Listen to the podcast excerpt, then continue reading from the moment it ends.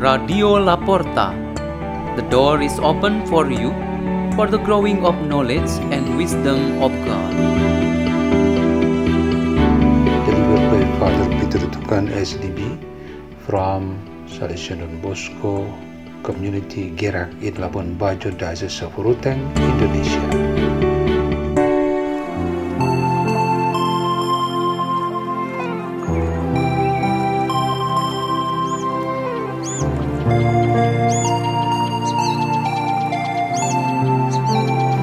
Reading and meditation on the Word of God on Monday of the 11th week in Ordinary Time, 19 June 2023.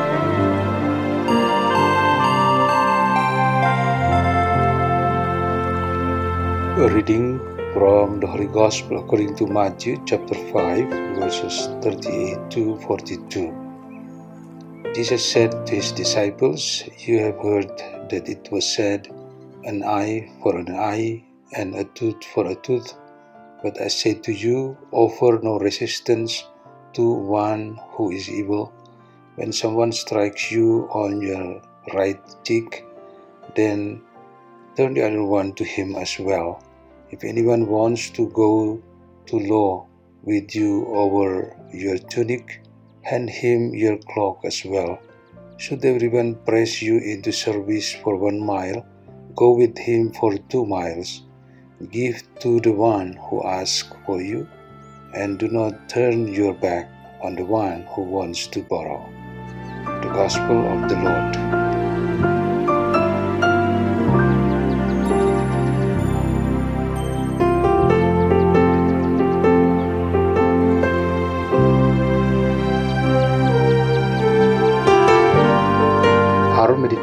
Today has the theme Grace Overcomes Justice.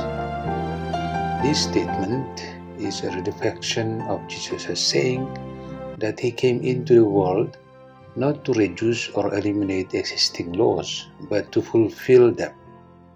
He who is the source of grace and full of divine mercy fulfills and completes the law in a world based on justice. Justice is a virtue as well as a rule.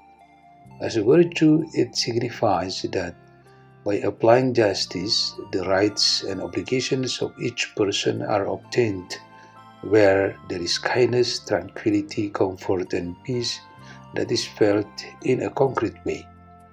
As a rule, justice demands an equal amount and quality of treatment when violations and resistance occur in acts that harm other people or life in general.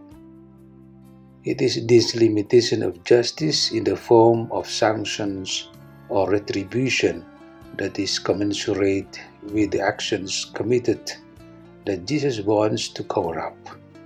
If it is not covered or overcome, the rule of an eye for an eye, a tooth for a tooth will continue. When can we meet the end? What Jesus brings to cover or overcome these deficiencies is grace, mercy, and compassion. Misericordia. There is forgiveness and reconciliation can be established so that the fruit of peace is truly genuine. There is forgiveness and acceptance of each other in a spirit of love. St. Paul carried out exactly what Jesus showed that mercy will overcome the limitations of justice. He really experienced persecution and various forms of treatment which were very inhuman. But he said that if he took revenge, he would create a scandal.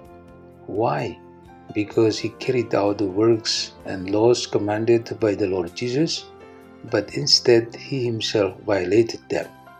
Then people will laugh at him and lose their trust in him and his companions.